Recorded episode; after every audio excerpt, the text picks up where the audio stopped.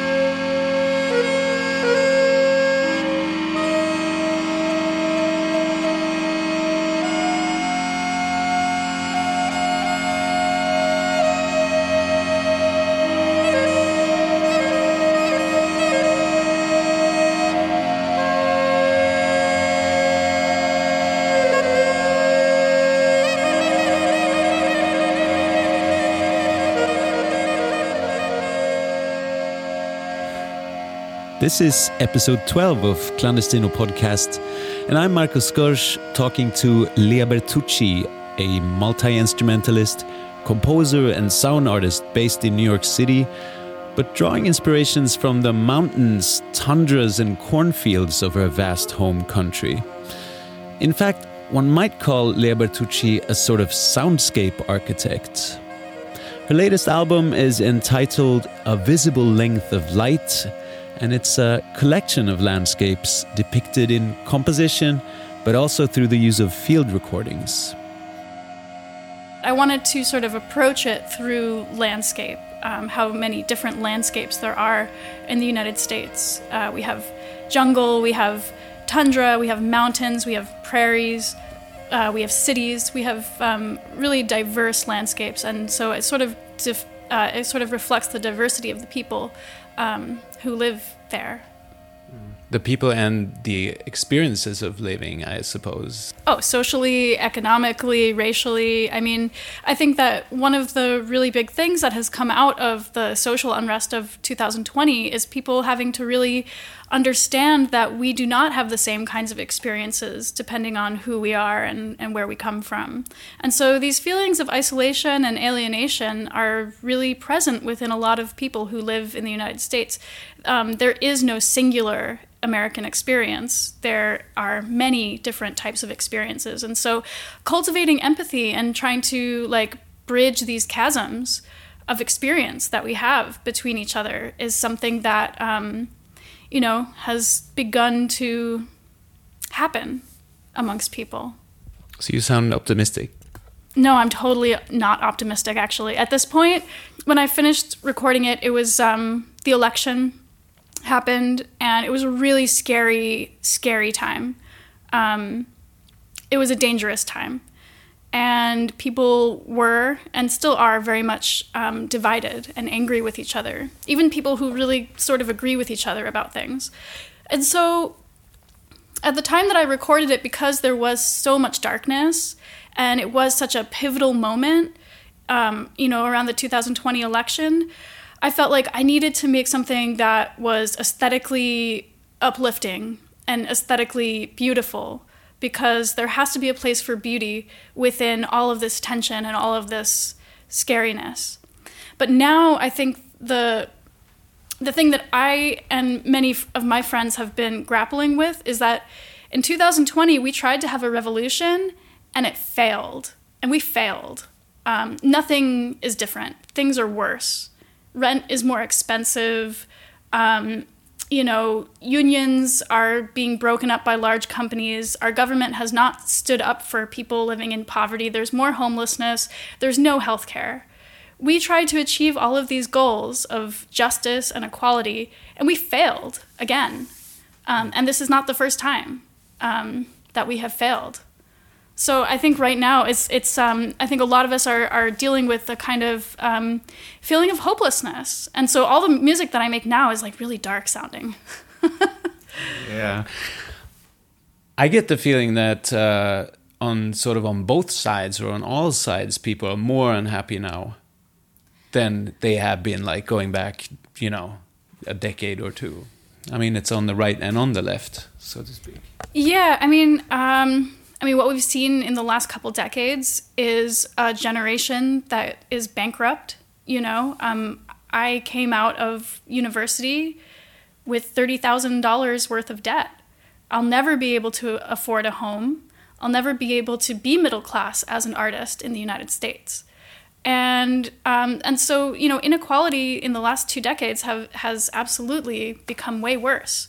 So you know, it's no surprise that my generation is very cynical um, it's no surprise that my generation was, you know, burning things last year, and um, yeah, I mean there, and whether you're you're right wing or you're left wing, I mean really the prevailing mood is that like our society is setting us up to fail, and that is what is happening. It's harsh. It's a harsh reality, right? Yeah, that didn't sound as optimistic as what you said previously. No, I mean, you know, I've I felt more optimistic in 2020 because even though it was a scary time and still a very tense time, because at least something was happening. People were waking up and realizing, oh God, I've been working 80 hours a week for the last 10 years of my life. Why am I doing this? Um, and people are waking up and realizing that the police um, are a brutal paramilitary force that like targets people of color and you know is a terrible, terrible thing in the United States. Um, people were waking up to that, and that was kind of amazing to see these things happen. And again, like we tried to do something about it, and the systems seemed to be too strong.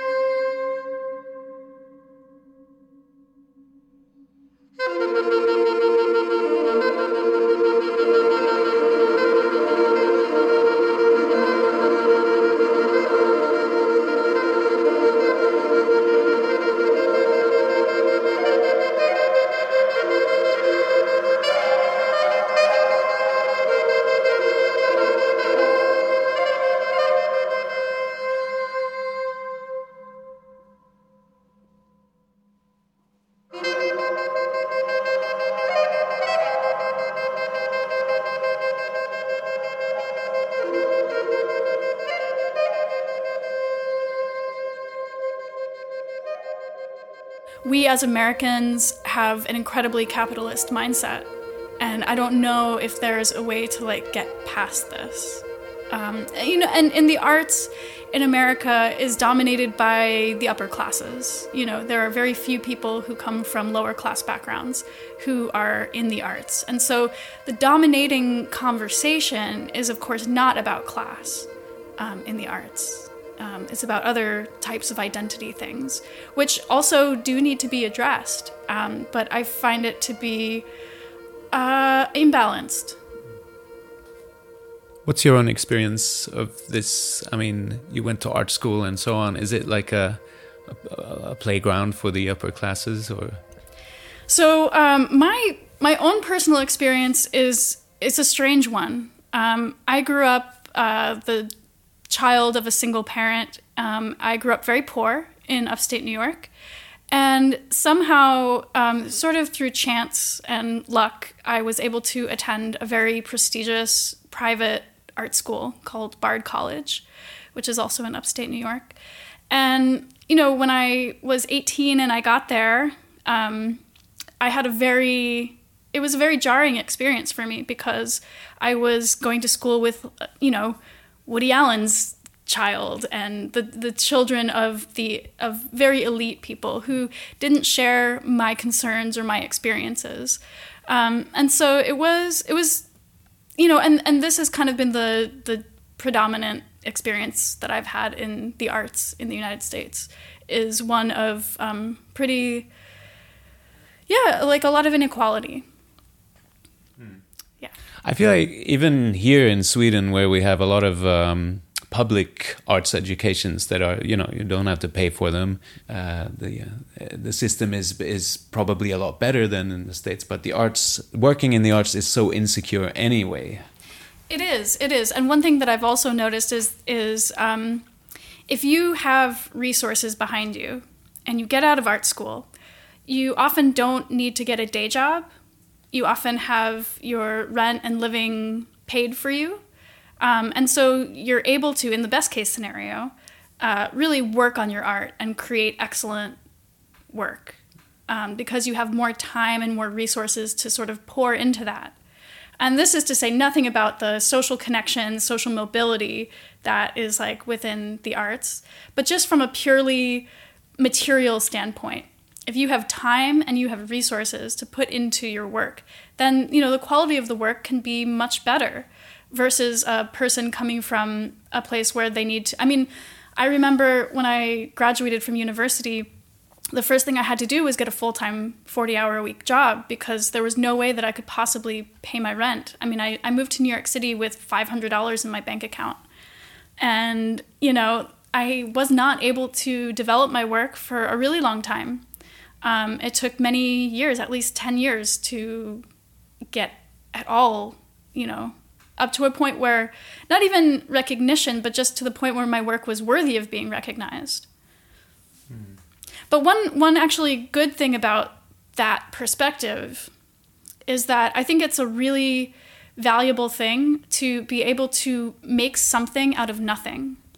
You know what I mean? Like if you don't have the resources to make something good, like you don't have a excellent microphone, you don't have an excellent audio setup, you don't have the expensive synthesizers. If you can learn to make something amazing out of whatever garbage you find around you, then that's actually a much deeper thing than being able to buy expensive modular synthesizers or on the market.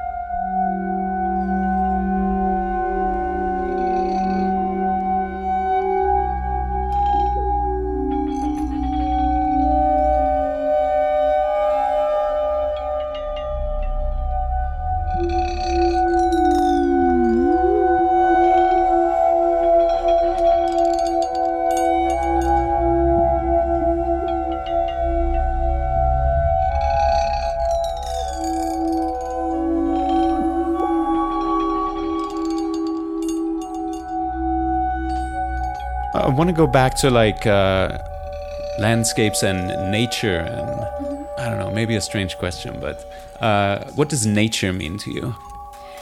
Well, you know, I grew up in a I grew up in the country. Um, I grew up in upstate New York. My father lives out in the West. He lives in a very rural area in uh, southern Utah. The cover of the record um, is a photograph by this artist, David Benjamin Sherry. Um, and the landmass that is um, depicted on the, the cover of the record is um, from the Escalante Grand Staircase region, which is where my father lives. And I've been going out there since I was, you know, 11 years old, and it's um, an extraordinary landscape. It's really a unique geological place full of microclimates and um, all sorts of indigenous history. And I mean, it's a really wild place. And so it's something that has always just been very much in my consciousness, and I've always been moved by landscape. Mm to some degree in our culture, maybe it's different depending on where you live. Nature is sort of this thing that you think of. A lot of people think of it as you know you go there for recreation. It's like this this uh-huh. garden that you and it's kind of safe and you just consume it and then you leave it and but your your actual life takes place in these controlled environments you know mm-hmm. that we create. Yeah. So. Uh, I don't know. I, maybe there's no question in there, but like I'm thinking about our relation to nature as this that's not actually what nature is. Like I think nature can be totally different. Like it's it can be like dangerous or wild or like just strange or frightening. I don't know. Yeah, yeah, absolutely. I mean, you know, in the in the Rousseauian sense of nature, um, you know, it's a very idealistic um, perspective to have that that nature is something that is um, pure and is you know nice and ideal and beautiful. But the truth is that like nature doesn't care about you. You know the landscape does not care about you you are uh, small within the landscape and it's not for you to take from right um, nature is ugly and dangerous and terrifying and cruel and all of these things. There's murder, there's rape, there's you know disaster within nature. So I mean, I, I think it's um, you know it's easy to idealize the aesthetic beauty of nature, but at the same time, um, there is a kind of like complexity to it that um, I think you know Enlightenment philosophy certainly didn't account for.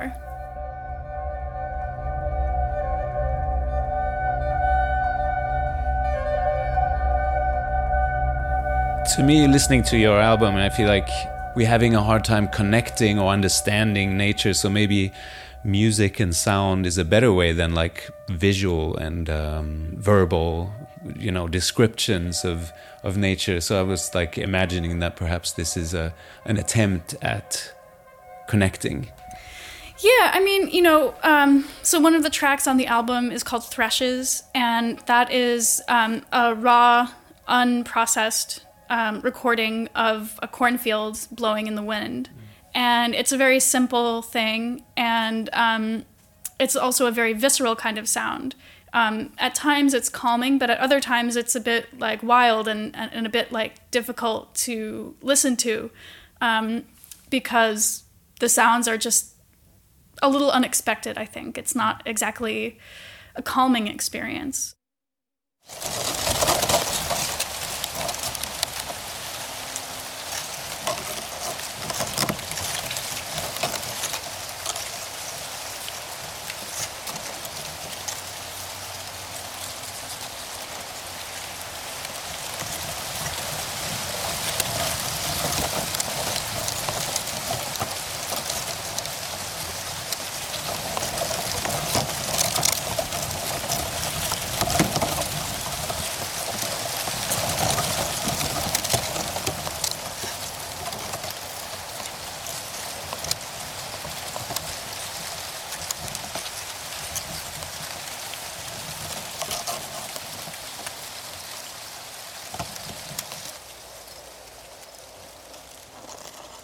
Usually the access point to landscape is a visual one. Mm-hmm. Um, but it's kind of interesting to reconsider landscape in terms of sound.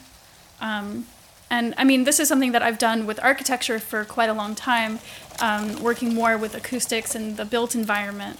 And so I was interested in kind of reframing that interest in terms of landscape. And I was also really interested in um, the work of um, early earthworks artists like um, Agnes Denes or Robert Smithson and Nancy Holt. What, what, does that mean, earthwork? I don't know any of these artists. Um, so, earthworks, it was a movement of artists in the 1960s who um, made site specific work. Um, they actually were, Robert Smithson was the one who coined the term site specific, which is now very horribly overused in sound art and misused in sound art. Um, but it's the idea of going to a place and making a piece of art that can only exist in that space and is wholly contingent on that space uh, in order for it to make any sense. Um, and so, yeah, and so a lot of those artists um, dealt with landscape um, interventions within a landscape. Agnes Denes, for example, her most famous work was uh, planting a cornfield, or not a cornfield, sorry, um, a wheat field in lower Manhattan um, in Battery Park before uh, they had developed it um, as uh, a neighborhood. So she went and just planted a bunch of wheat and then harvested it. And there are all these amazing pictures of the Twin Towers and lower Manhattan uh, in the background and, you know, verdant wheat field in, in the foreground. So, um, kind of like these interventions within landscape and within an environment um, is something that I was really interested in um, creating through sound.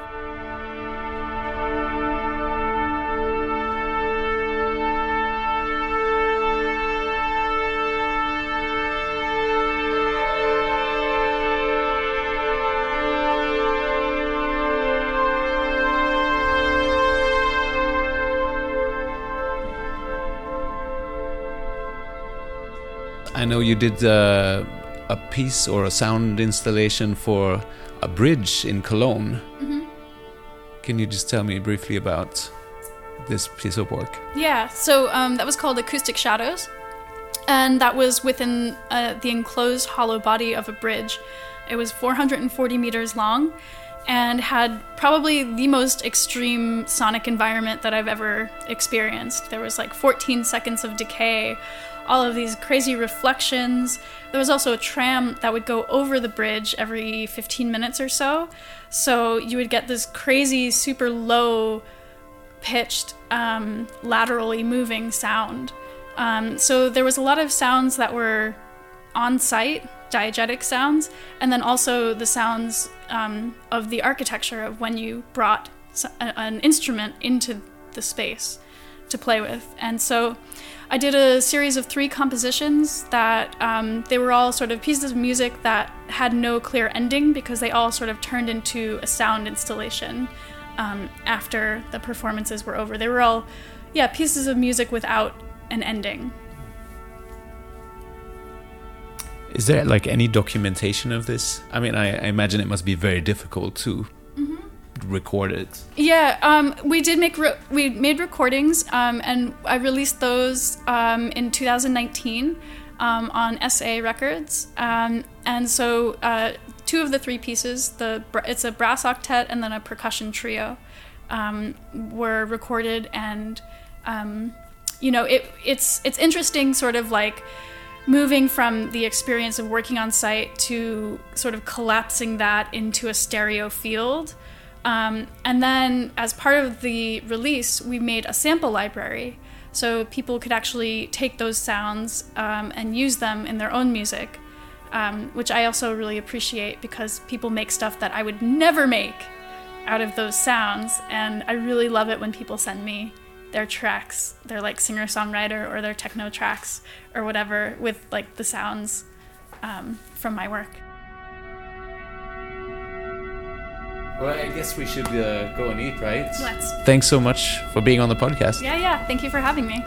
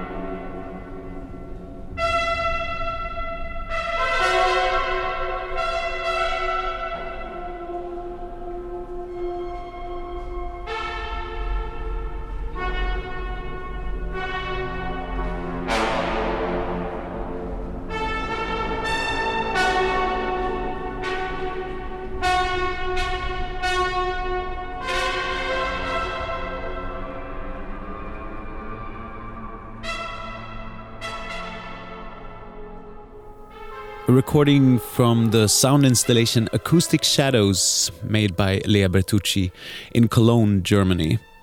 Find out more about Clandestino Podcast and Clandestino Festival at clandestinofestival.org.